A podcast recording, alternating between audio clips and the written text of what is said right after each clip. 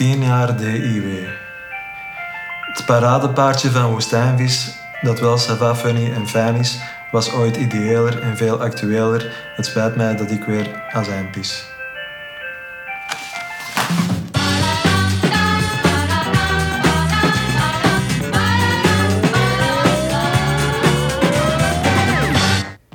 De ideale wereld bestaat tien jaar. En in plaats van dat op gepaste wijze te vieren, hebben we besloten er deze podcast over te maken. Ik ben Lieselot Boens en in DW Jubilee praat ik tien weken lang met mensen die de voorbije jaren deel hebben uitgemaakt van de Ideale Wereldredactie. We zitten in onze televisiestudio in Vilvoorde in oude leren zetels. En met we bedoel ik Koen de Poorter, Jelle de Beulen en Luc Hakes. Aan de hand van een enorme voorraad aan anekdotes, analyses en een gigantische hoop flauwekul zetten we samen een nauwelijks waarneembare stap richting ideale podcast. Welkom dus bij DW Jubilee. En welkom ook Koen, Jelle en Luc. Hallo. Hallo, hoe gaat het met jullie? Goed. Goed? Tof om terug te zijn hier. Met mij gaat ook alles goed. Ik vind het eveneens tof. Oh, En je. jij, Luc, vind jij het tof? Heel tof. Huppakee, het moet meteen weer heel tof zijn. Ja, Misschien nog even een kleine voorstellingsronde ter herhaling. Wie ben je? Wie de fuck ben Wat- twee jaar weg. Wie zit jij? ja. Nee, maar ja, dat is toch wel handig dat mensen goed weten welke stem ze horen, Dat is toch? waar. Koen. Ah, eh, dus ja, ik ben Koen, de Mhm. poorter. En ehm, ja, hoe lang? Ik weet dat niet meer. Ik denk drie jaar, drie jaar en een half of zo. Mhm. Vanaf, twee, eh, het, vanaf het tweede jaar tot enkele jaren. Eindeloos lang. ik weet het niet. Het is allemaal één grote blur in mijn hoofd. Nee, maar dat is- Ja, een leuke blur. hè. Oké. Jelle? Ik ben Jelle en ik, ik... De vorige keer hebben jullie mij gezegd dat ik hier zes jaar gewerkt heb. Juist. Zes jaar van mijn leven die ik niet meer terugkrijg. en ik was sidekick. En Klopt. op een bepaald moment, omdat ze niemand beter vonden, eindredacteur. Oké. Maar dat weet ik totaal niet meer wanneer. Dat heb ik echt ontkend in mijn hoofd. En Luc? Wel, ik ben dus leuk en ik was eh, van in het begin erbij. Mhm. Ehm, maar ik weet ook niet meer tot wanneer. Maar kunnen jullie dat niet Ik denk acht jaar. Acht jaar, Acht voilà. jaar. Research. Weet dat gewoon, dat staat daar. Maar tuurlijk weet ik dat. Ik weet Acht alles. jaar? Maar... Wat is dat dat dan voor ons? We Ja. weten dat niet meer. Jij Langer gebleven. Langer denk dan jij, ja.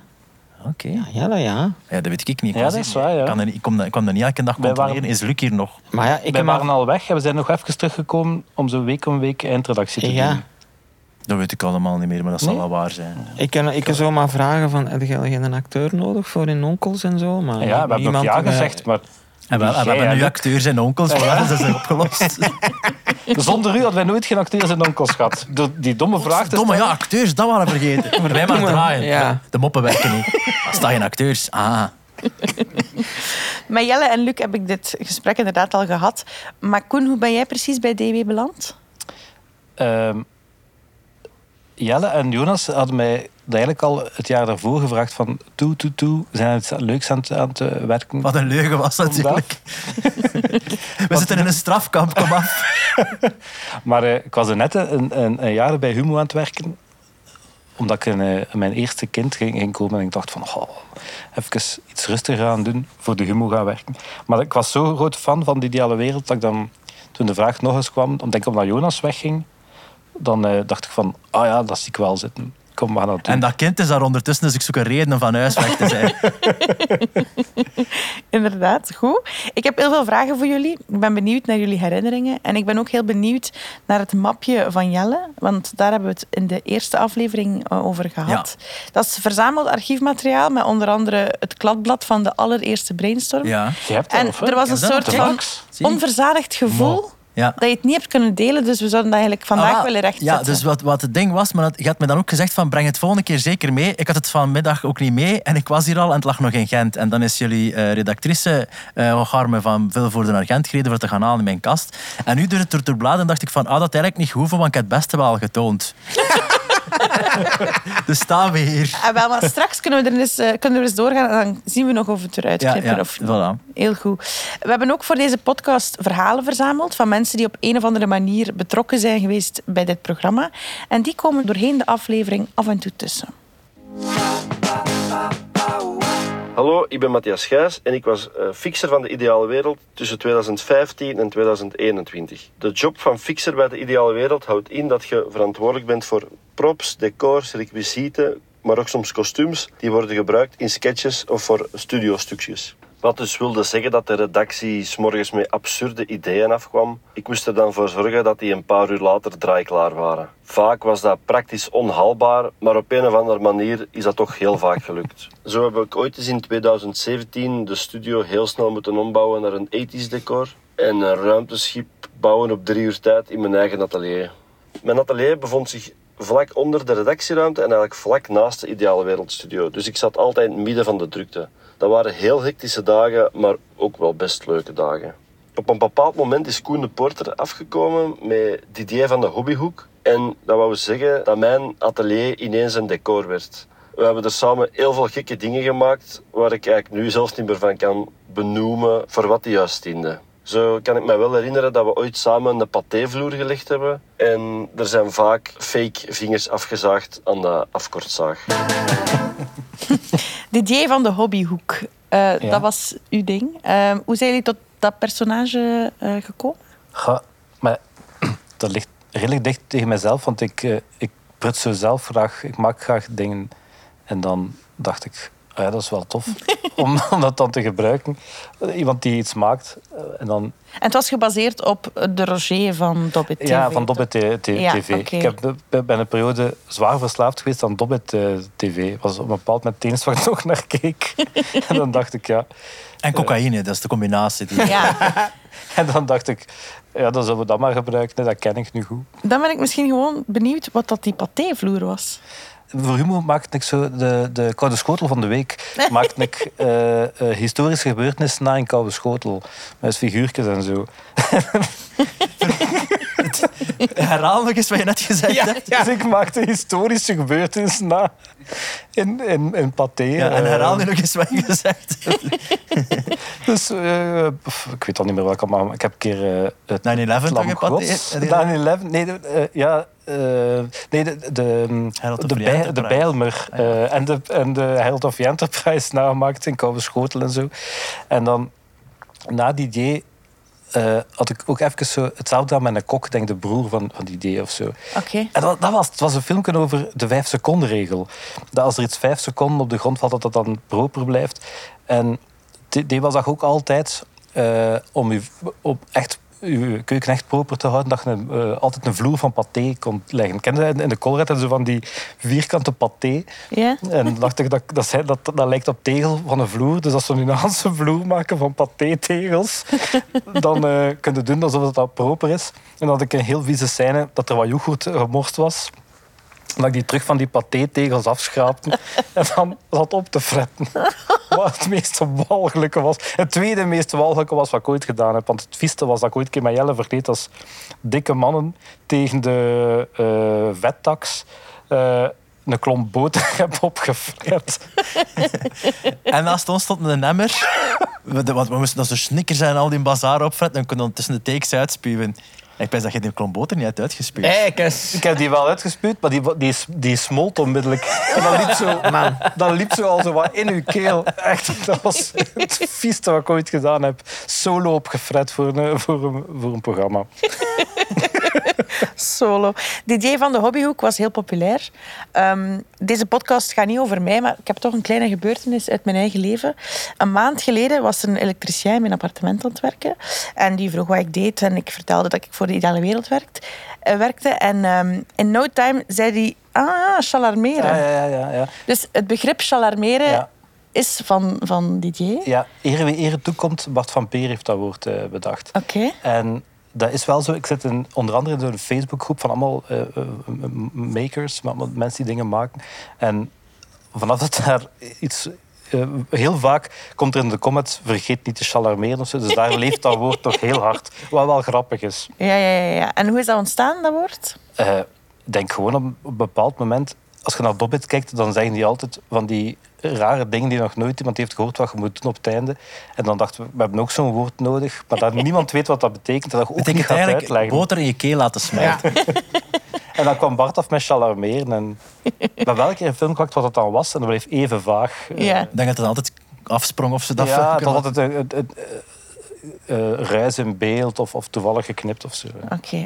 Knutselde je zelf dan ook heel veel voor die, voor die sketches?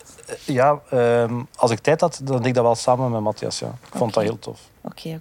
Hebben jullie ooit voor bepaalde sketches gekke dingen aan, de, aan, aan Matthias of een andere fixer gevraagd? Ongetwijfeld, dat je er net zelf zei, met een soort van zucht en gelatenheid in zijn stem. maar dat je, de- maar de- weet ik veel, om acht uur was dat idee er en dan was van begint er maar al aan een uur ruimteschip. Ja. En tegen ten tiende moest het er dan zeker zijn. Of werd het gecanceld, nog erger.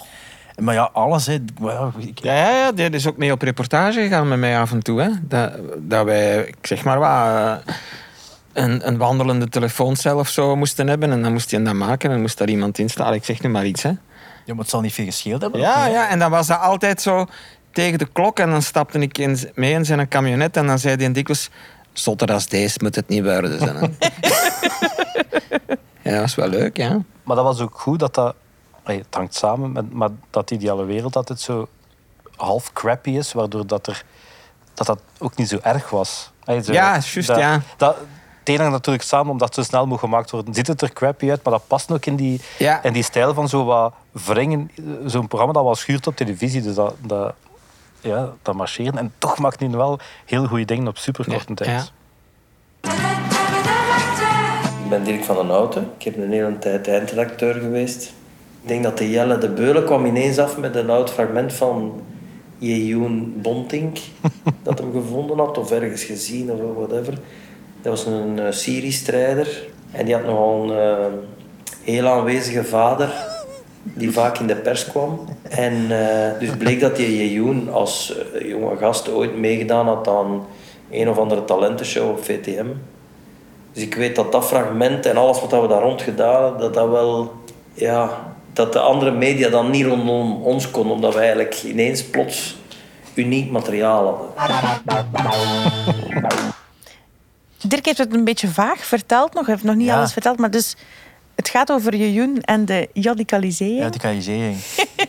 Vertel nog eens van het begin. Hoe ging Wacht, hè. want het was niet mijn verdienste. Het was Sam de Graven, de toenmalig creatief directeur eh, Mhm. van Woestijnvis, die wist dat Jejoen Bontink, dus de ja, jonge man die dat destijds naar Syrië was getrokken om daar te gaan strijden, zijn vader Dimitri Bontink, eh moet het hem nageven, was hem gaan halen. Ja. En ook teruggekregen, eh meen ik. En die mens kwam inderdaad nogal een keer graag in de media op een gek, gekscherende wijze. Maar welk programma was dat weer? Move Like Michael Move Like Jackson. Michael Jackson. Move like Dus, Jackson. ja, voilà, dat. en dus die, die jongen die achteraf zijn mensen een keel ging oversnijden, had daarvoor nog... eh, maar ja, dat is geen wat die gasten deden. Hè. Die kikten daar een beetje op, denk ik. En dus wat hij dan gedaan had, daarvoor had hij, dacht hij van, ik ga Michael Jackson zijn. Had beter daar voor blijven gaan. Eh, en, bon, en daar was dan allemaal beeldmateriaal van.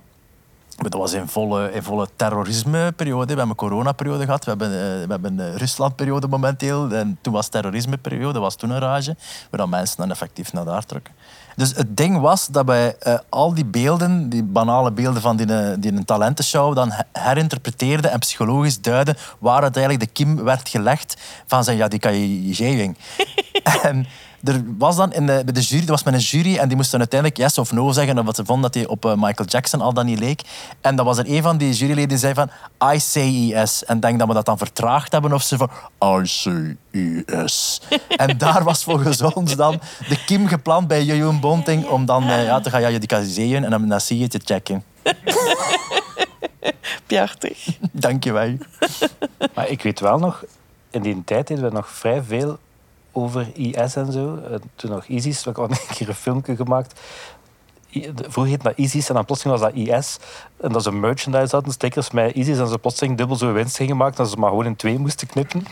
en, maar dat was waren wel tijden, want je moet weten, de, de, de wijk waar het er in Vilvoorde, waar er redelijk wat Syrië-strijders zijn vertrokken, ligt echt naast het gebouw. Niet, niet een beetje verder, maar tegen het gebouw. En ik weet wel nog dat ik op een bepaald moment... Dat, dat waren zo de, Wij zijn hier zo'n beetje een Syrische enclave hier in. Ja, ja. Ja, ik weet wel dat ik op een bepaald moment dacht van... Als ze hier binnenkomen, ga ik langs daar en daar en daar buiten. Dat, dat, dat was wel een, na, beetje, ja. een klein beetje Maar angst. ha- allee, de, er he- heerste zo, allee, na die 22 maart eh, en, en daarvoor en daarna, heerste er toch wel een lichte angstpsychose in heel dat land. En bij ons, wij waren, dat was bij ons ook niet vreemd. En als we zo sketchjes deden, dat was Ja, ja. of dingen over IS, van we gaan ze nu een Ja. keer met een klote, klote rammel en ze uitlachen, dat was wel altijd zo van, hm, gaan we ja, dat wel ja, ja. Ik heb ook... Charlie Hebdo. Ja, voilà, dat was toen, hè.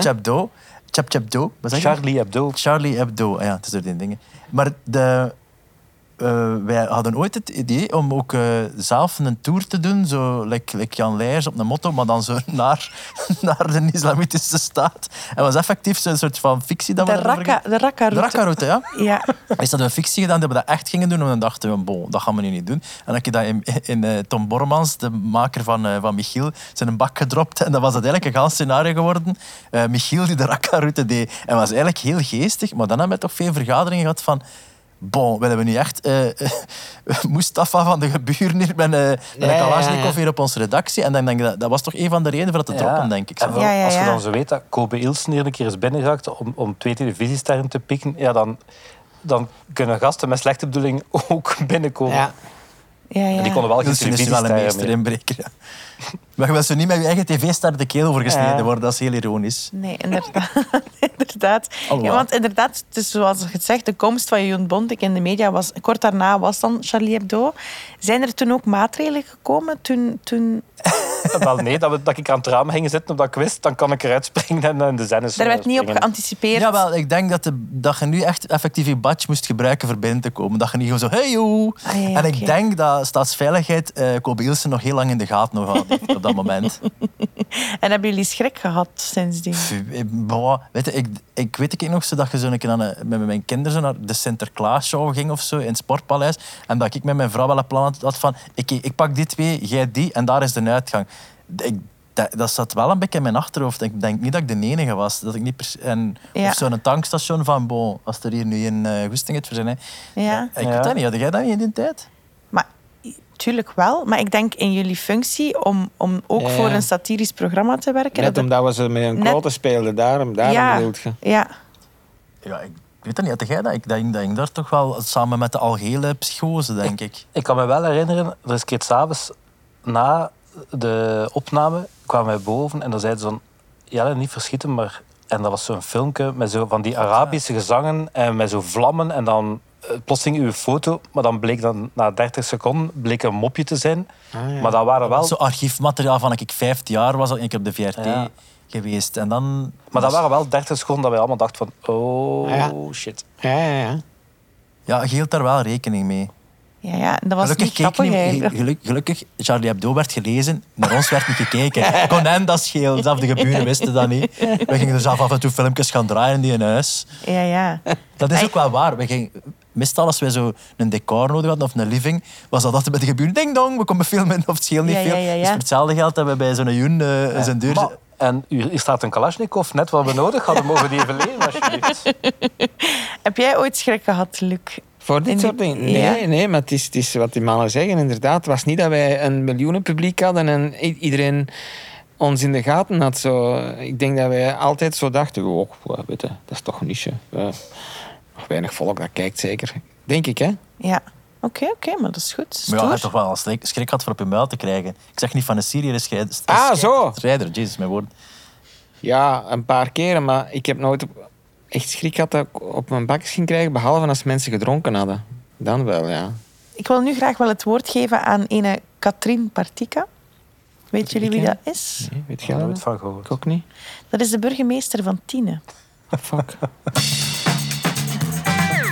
Luc Hakens en Tien, dat is iets eh speciaals. Hij is hier zelfs eens uitgenodigd op een debat om het te hebben over eh, zijn relatie met de stad. Ik weet wel, ehm, sommige mensen vonden het wat eh uitlachtelevisie. Ik vond dat eigenlijk niet. Ik vond het eh, ontwapenend om te zien hoe dat de tienenaar hem altijd wilde helpen of, om, of altijd wat meegaan in zijn verhaal. Hè. Als er een president op bezoek kwam, vond dat al- altijd wel schoon dat er mensen waren die oprecht eh, de president wouden verwelkomen of hem zelfs bij gelegenheid een slaapplaats aanbieden. Dus ik vond het altijd wel dat het voor de tienenaar spreekt, dat hij zo behulpzaam wou zijn. Ik denk ook dat het eh, respectvol was en dat het ja, een, eh, een, een goede humor had. Dus eh, wat mij betreft, in naam van de tienenaar, Luc, alles is vergeven en vergeten. Altijd welkom in onze mooie stad. Mag ik zeggen even dat zij voor iemand van Tienen een vrij rijk woordenschat en uitspraak heeft? Volgens mij was die, was die niet burgemeester in die periode dat we daar gingen filmen. Want ik herinner me nog dat iemand mij zei... Onze burgemeester is heel erg kwaad op u. En dat dat een man was. Maar bon, tijden veranderen. Ik weet Tijden veranderen. Wat is eigenlijk de reden dat je telkens naar Tine trok? Ah, dat kan ik u... Dat Dat ze zo behulpzaam zijn. Nee, nee dat, kan Mooi, ik u, mooi. dat kan ik u perfect uitleggen. Dus eh, als wij eh brainstormden, was dat altijd zo tegen de klok zo. En dan werd het zo 12 uur. En dan was dat zo, zeg mannen, eh, ik moet wel om drie uur terug zijn om dat te monteren. Hè? Ja, oké. En dan was dat zo, waar kunnen we zo het snelste naartoe? Dat toch niet te groot of niet te klein is en dat niet zo ver van de autostrade ligt. En dan weet ik nog dat een cameraman zei: Ah, hé, Tine, daar zit op een half uur. En dat is niet zo groot. En, en ja. Dus Ja, maar, doe maar dat was, en, dan- en dan reden we eh, naar Tiene. En inderdaad, dat bleek dat de bevolking zeer behulpzaam was. Oké, en dan terug. Ja, dat Dat was goed behulpzaamheidsquotient van 80, 90 maximum. Maar dan hebben we daar misschien wel wat in overdreven. Want dan, dan was dat, ja, gelijk Koen zei, we hadden vier dagen per week uitzending. En, en dan zo twee weken later, eh, wat gaan we, nou, ja, we zullen nog maar eens naar tien gaan zeker. En dan iets te veel in overdreven. Zet een andere nut op. Ja. Ik Ja. vond het beste filmpje dat je ooit in Tienen hebt gemaakt, was denk aan het, eer- het eind van het eerste seizoen, is Luc zich gaan verontschuldigen bij de Tienenaren. Om te zeggen dat het, om het, dat het nooit meer ging gebeuren. En dan was er een, een vrouw uit, uit Tienen die zei van, dat ze in Tienen niet allemaal zo onnozel zijn om zich licht laten in de luren te leggen. En dan zei Luc, kan u hetzelfde doen, maar een beetje verder van de camera. En dan is die vrouw geëindigd in het midden van de fontein. Om die woorden uit te Juist, spreken. ja. Super behulpzaam, toch? ja. Super Ja, ja, ja, ja. ja, ja, ja. Maar weet, weet iedereen de context eigenlijk? Dat, dat, Of- dat, dat hem eigenlijk meermaals In Tiene geweest in is. Tiene gespeeld met een, met een limousine om dan telkens te zeggen dat Ja. hij de president... eh, Ja, ja, inderdaad, Inderdaad. ja. want met, wat, presidenten. met wat was dat begonnen eigenlijk? Met Obama ging komen of zo? Nee, zeker? nee, nee, dat was pas veel later. Nee, het is begonnen met... eh, er was zo'n storm geweest. Eh, en alle journaals hadden daarover bericht. En wij vonden dat belachelijk, want ze deden precies alsof dat er een orkaan geweest was. En, en we wouden dat een beetje op de korrel nemen, maar dan waren we pas de dag erop. En dan was de mop van, ik ging naar Tiene. En ik ging tegen de mensen zeggen, zeg, eh, ja, die storm was eigenlijk gisteren, maar ja, wij, wij hadden toen geen uitzending. Kunnen we niet even doen alsof dat nu storm is? Want allee, we willen toch niet eh, achterblijven. Hè? Ah ja, dat is goed. En dan was er een stagiair, Mathieu eh, Terrein van, van Bazaar. Die wist was nog. stagiair. Die had dan zo'n bladblazer bij. En dan moest hij zo blazen in de mensen hun gezicht. En dan moest ik zo vragen... En meneer, heb je veel last van de storm? En dan begonnen die mensen echt zo te roepen... Ja, mij, zeg mij, dat waait hier nogal. Ho, ho, ho. En dat ging altijd verder en verder. En op den duur was dat bij mensen thuis, binnen, in een appartement. En dan stond die Mathieu daar ook in hun gezicht te blazen. En dan eh, riep die, die mevrouw ook zo van... Amai, zeg, dat is nogal heet. Ik kan niet buiten, Sanne. Enfin, zwart. En toen dachten we, amai... eh, Zo behulpzaam. ja, hier zijn ze heel behulpzaam. En als dan eh, een paar weken later het idee kwam van... willen we een keer eh, de president van China naar hier halen... dan was dat weer Tine. Ja. En dan zo, zo hebben we er een paar gedaan. Er zijn wel... Dat was een presidentenreeks, toch? Nee? Maar de eerste, we hebben, Ja, de eerste president, nee, de eerste president dat was in Waregem, want Obama die ging echt naar, niet, ja, Waregem, hè? Obama ging echt naar Waregem gaan voor een of ander Flanders Fields toestand.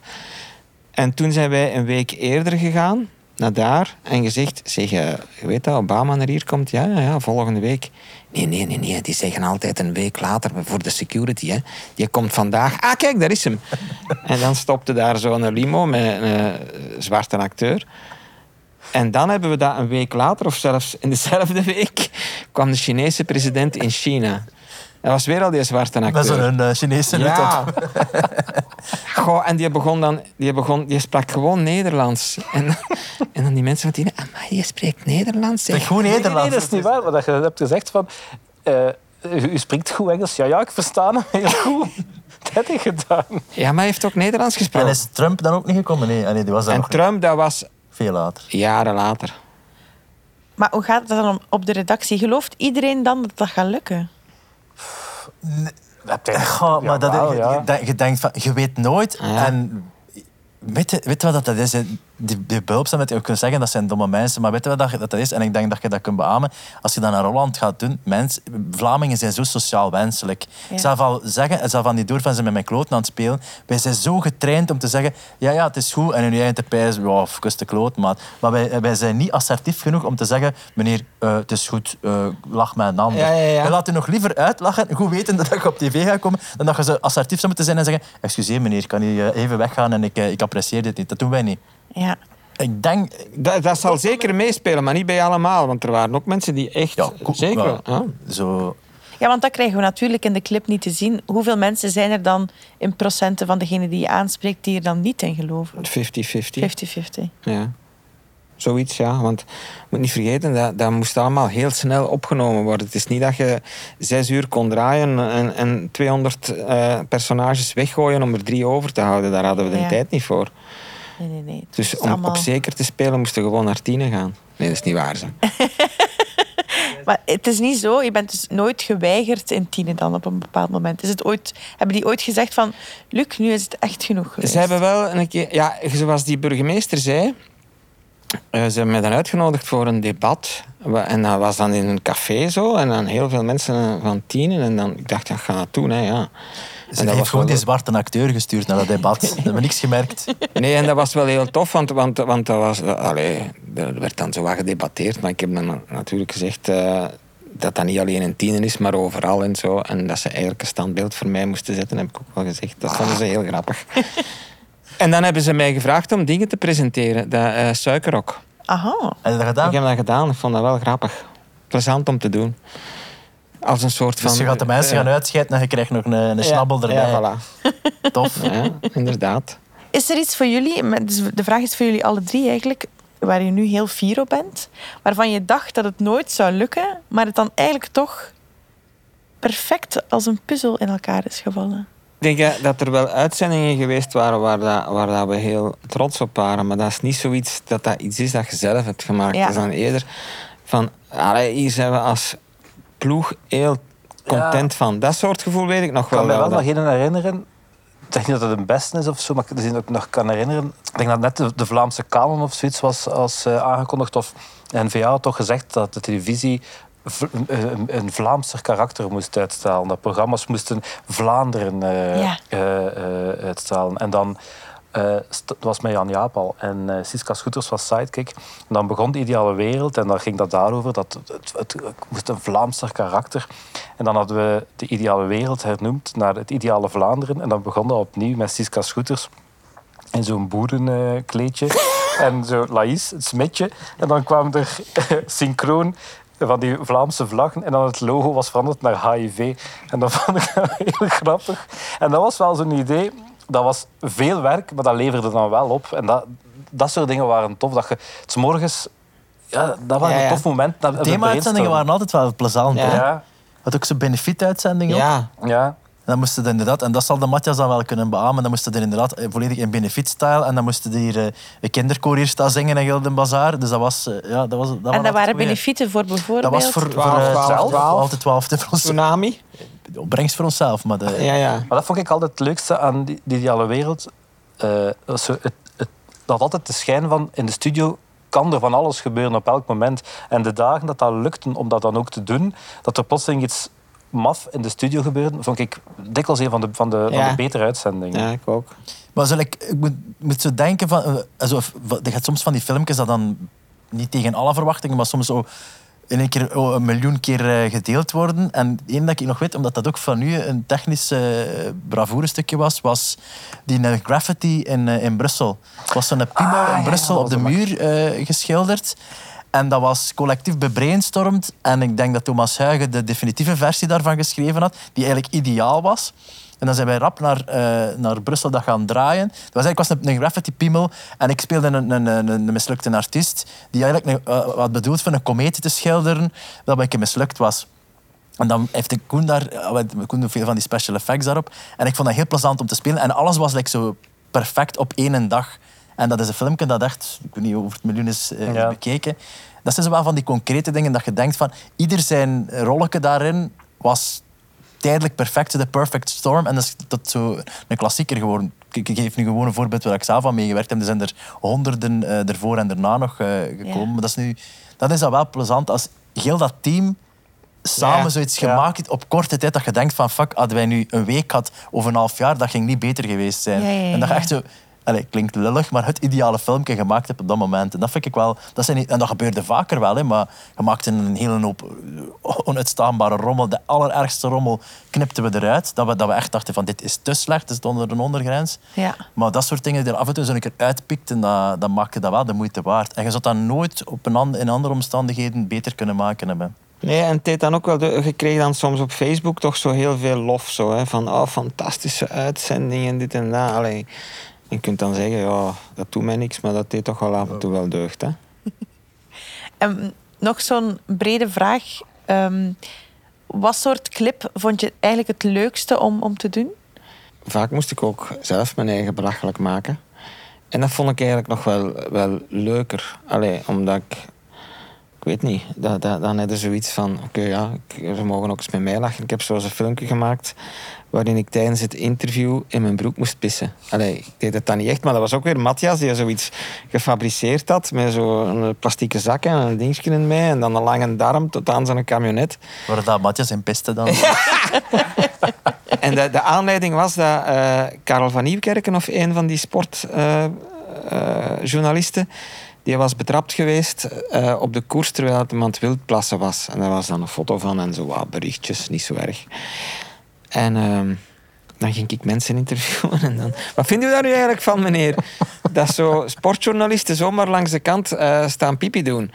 En dan mensen begonnen dan hun mening te zeggen. En ondertussen werd mijn... Ik had dan zo een broek aan waar je dat zo heel goed in ziet.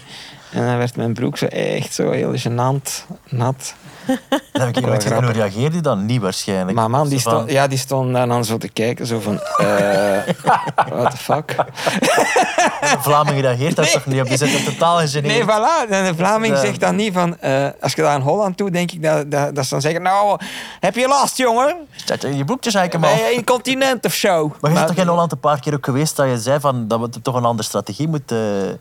Ja, maar dat scheelt toch niet zoveel. Maar ik weet wel dat je heb een keer een filmpje gemaakt over het, het Engels van de Nederlanders. Maar dat, dat speelde wel op iets anders. Dat speelde op hen, op hen bestoeven. Ja. En dan, dan, begonnen die, dan waren die daardoor gecharmeerd Ja. en begonnen die heel slecht Engels te, te Maar jullie praten. spreken heel goed Engels en dan zo wat steenkolen Engels. Ja. Dus moest hij inderdaad anders aanpakken, dat weet ik wel. Ja, ja. Inderdaad.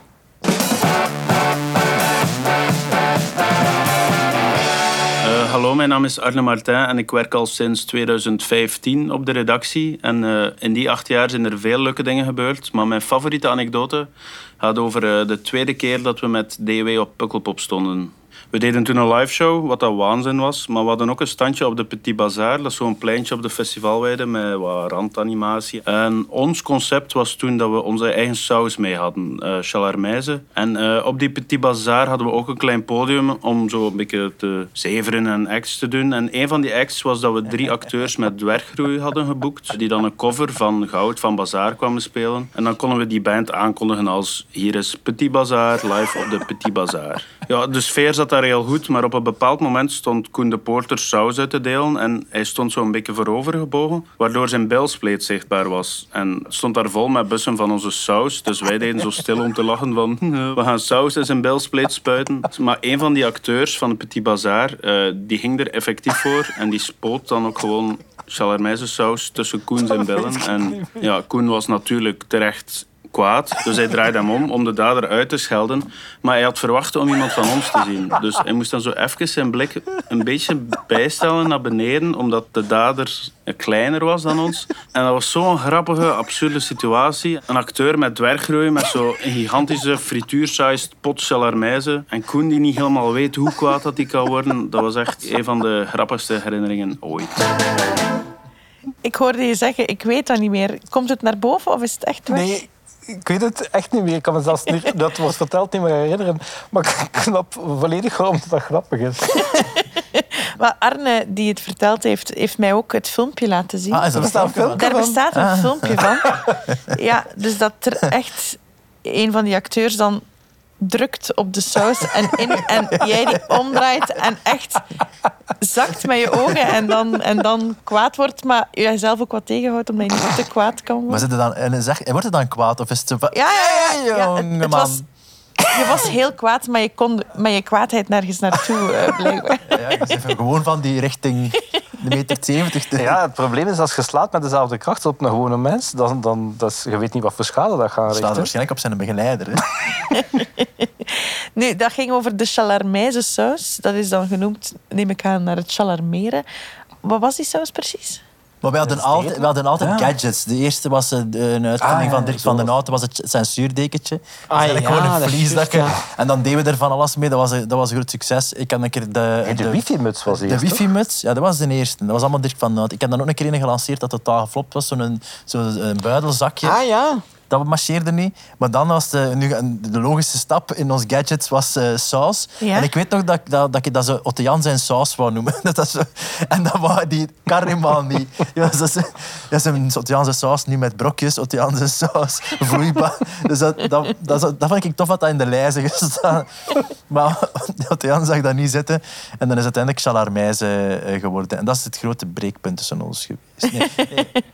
En, en naar wat smaakte uh, chalarmijze? Een, een, Ja, zachte, Andalouse, een zachte ja. Andalouse. Want we hebben hier effectief, onze jo- job serieus nemende, hier allemaal potjes proevertjes gehad. Hè. En dat, we, nemen- we namen dat echt wel serieus. hè. Dat En- dat was een firma uit, uit, uit Brussel die Staat dat niet nog nu? Die dat gemaakt heeft speciaal voor ons. Prachtig. En die Pukkelpop-shows en ook die van de AB. ehm, Saus of shows?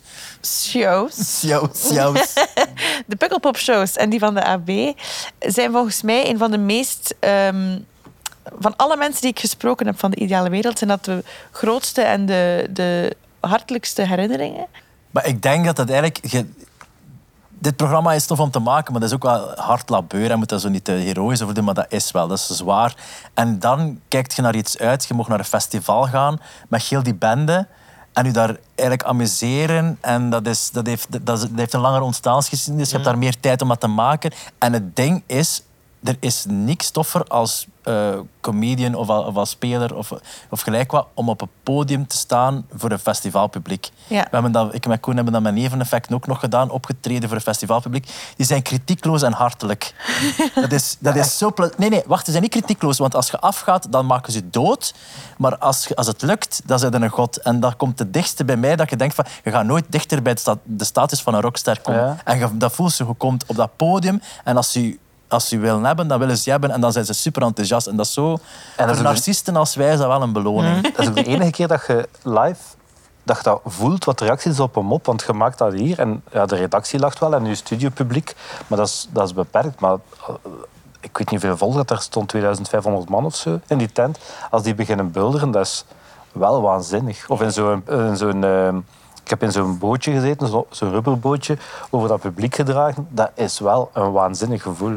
Ja, ook omdat wij altijd ervan uitgingen. En het was ook wel zo van, ja, het is niet dat wij voor een miljoenenpubliek werken. En we waren altijd wel een beetje zo... eh.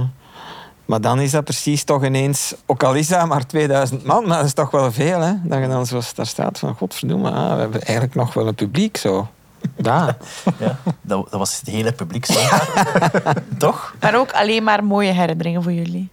Ja, dat is echt dat is op kamp gaan met heel de bende. En dat is, die dat je naar uitkijkt. En, en die, ook die kerstshow in de AB, dat is zo, dat is zo plezant. Ook omdat, dat is ook waanzin. Hè. Je maakt eigenlijk met heel veel volk iets eenmaligs. Wat dat eigenlijk stoem is. Dat is economisch heel stoem om te doen. Je zou daarmee moeten toeren met zoiets, maar we doen dat dan niet. En dat is zo eenmalig erop of eronder. En eigenlijk was het er volgens mij, als ik me niet vergis, telkens op en telkens dik op en plezant voor iedereen. En dan kun je echt je volgen qua team. Dat is, een, dat is geen bewuste teambuilding, maar qua teambuilding, wat mij betreft, konden daar het seizoen mee overbruggen. Ja. Juist. We gaan de belofte van daarnet nu invullen, denk ik. Het mapje van... Je gaat hier toch geen hoogtepunt van maken, want dan gaat de bedrogen ik ben zeer benieuwd wat er in dat ik ook, mapje ja. staat. Maar het vorige, het eerste heb ik al getoond. Dat was eh, naar aanleiding van de anekdote van ze moesten een dagelijks programma hebben. En de eerste slide is dan gewoon een eh, brainstorm-notitie met het dagelijkse programma. Dat toch geen naam. Voilà, ik geef hem even de Volgeklad met... volgeblad met tekeningen, omdat ik een aandachtspan heb van twee seconden. Koen heeft nu een, eh, een eerste voorstel van structuur eh, beet. Dat is eigenlijk gewoon hoe dat wij dachten dat zo'n aflevering er ging uitzien. En daar Er staat staat boven aflevering 1, keigoed. ja, daar gingen we dan maar van uit. Dat bleek in de realiteit anders te zijn, maar we waren wel heel voluntaristisch. En wat dan misschien nog, eh, ook wel tof is, dat ik ook nog bijgehouden heb, dat is ook de onnozele kloterij waar wij ons dan altijd mee bezig hielden. Op een bepaald moment hebben we ook een Ideale Wereld magazine uitgegeven. Oh, fuck, ja. Dat staat bij het Nieuwsblad. Wauw, dat wil ik Oké. wel een keer zien. En ehm, ook dat, hè. We, wij hadden altijd van, we hebben nooit geen tijd. We eh, wij moeten zo verdomme hier eh, vier dagen in de week hier eh, duizend uur werken. Eh, laat ons dan nog een magazine uitgeven ook. dus dat deden we er dan ook nog bij. En dat zat bij het Nieuwsblad. En dat was zo, ja, gewoon een parodie op een, op een, op een, eh, op een bijlage bij, bij het Nieuwsblad. Het ziet er ook een beetje uit als de Echt Joepie. groot. Dat was Dus dat echt waar dat we de tijd vonden. 41 pagina's. 41 pagina's Dat veel werk. Heel die redactie heeft daar aan dat magazine zitten werken. We weten ook niet waarom. Dat is zo, dat is zo shit dat wij, dat wij deden. Of dan, ik, vorige keer heb ik het ook verteld, dan gingen we zo een kerstspecial en dan denken we, ja, we gaan de best-of eh, tonen. Ja, ja, de best-of, maar we gaan het toch een beetje aan praten in een kersthut. En voordat je het weet, zit hier twee weken voor kerst of tijdens kerst te filmen aan uw, aan uw special dat we eigenlijk gewoon reruns gingen doen. Dus dat, ik denk dat wij... Ik, ik weet dat niet, dat is een soort van... Ik denk dat die voor- drugs in ons eten gedaan hadden. Dat wij een soort van... Hoe noemt dat zo? eh, Stockholm-syndroom of Munchausen by proxy. Dat je hier zo... Dat je niet meer weggeraakt en van kunnen we ons eigen nog wat werk geven. En dat was dat, dat magazine. En dan voor de rest, ja, we staan nog bij. Ja, Ah, hier, ik zie de uitdaging. Elke dag doet iemand iets mensonterends. Dat vind ik wel goed. dat hadden we moeten deurduwen. En dat is er niet doorgekomen. Dat is Maar min of meer wel, dat was Luc Hakens zijn eh, rubriek dan uiteindelijk. Dankjewel om hier te zijn, Koen, Jelle en Luc. Eh, we gaan er ook trouwens voor zorgen dat de video's waarover we het vandaag gehad hebben online komen. Ehm, hebben jullie nog een boodschap voor de luisteraar of voor de kijker? Say no to kids. Voilà. Dat is gesproken. Bedankt om te luisteren en tot de volgende.